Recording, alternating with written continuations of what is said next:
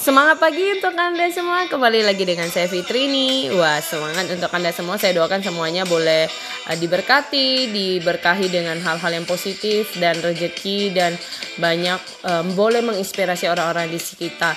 Nah, teman-teman, hari ini pastinya kita tetap boleh selalu semangat ya di dalam kondisi apa pun di pagi hari. Pastinya semangat itu penting. Kenapa, teman-teman?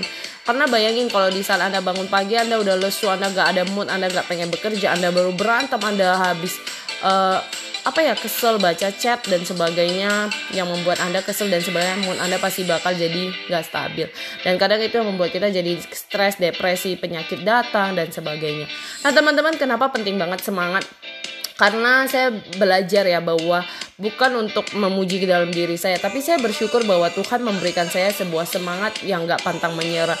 Yang kadang aura semangat ini bisa memberikan dampak buat orang di sekitar. Jadi orang juga merasakan semangatnya kita nah teman-teman itulah makanya bukan semangat yang dibuat-buat tapi benar-benar merasakan aura semangat bahwa dalam kondisi apa pun e, belajar untuk mengontrol diri ya menguasai pikiran kita. Ini yang juga saya sedang belajar teman-teman. Kadang kita terpancing dengan keadaan-keadaan negatif kita yang membuat kadang mood kita nggak stabil tapi ingat untuk stabilkan diri anda.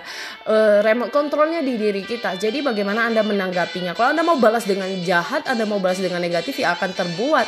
Tapi kalau anda bisa calm down anda bisa respon dengan hal yang positif percaya kita akan bisa menghasilkan hal-hal yang baik dan positif nah teman-teman Siapkah Anda untuk bisa menjadi orang-orang yang memberikan dampak bukan hanya soal ucapan tapi benar-benar dalam kehidupan praktek kita.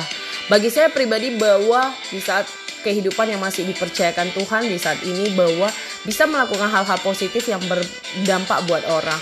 Jadi bukan soal nama kita dikenal, soal berapa terkenalnya kita, seberapa likes komennya orang, tapi bagaimana di saat kita membagikan hal-hal positif, orang juga mendapatkan hal-hal positif tersebut, aura tersebut.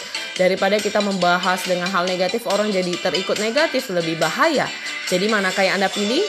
Berbagi dengan hal-hal positif atau hal-hal negatif itu ada di tangan kita, yaitu di tangan Anda dan tangan saya. Pilihannya di kita bagaimana kita meresponi hal-hal yang ada di sekitar kita. Semangat pagi, semangat berjuang.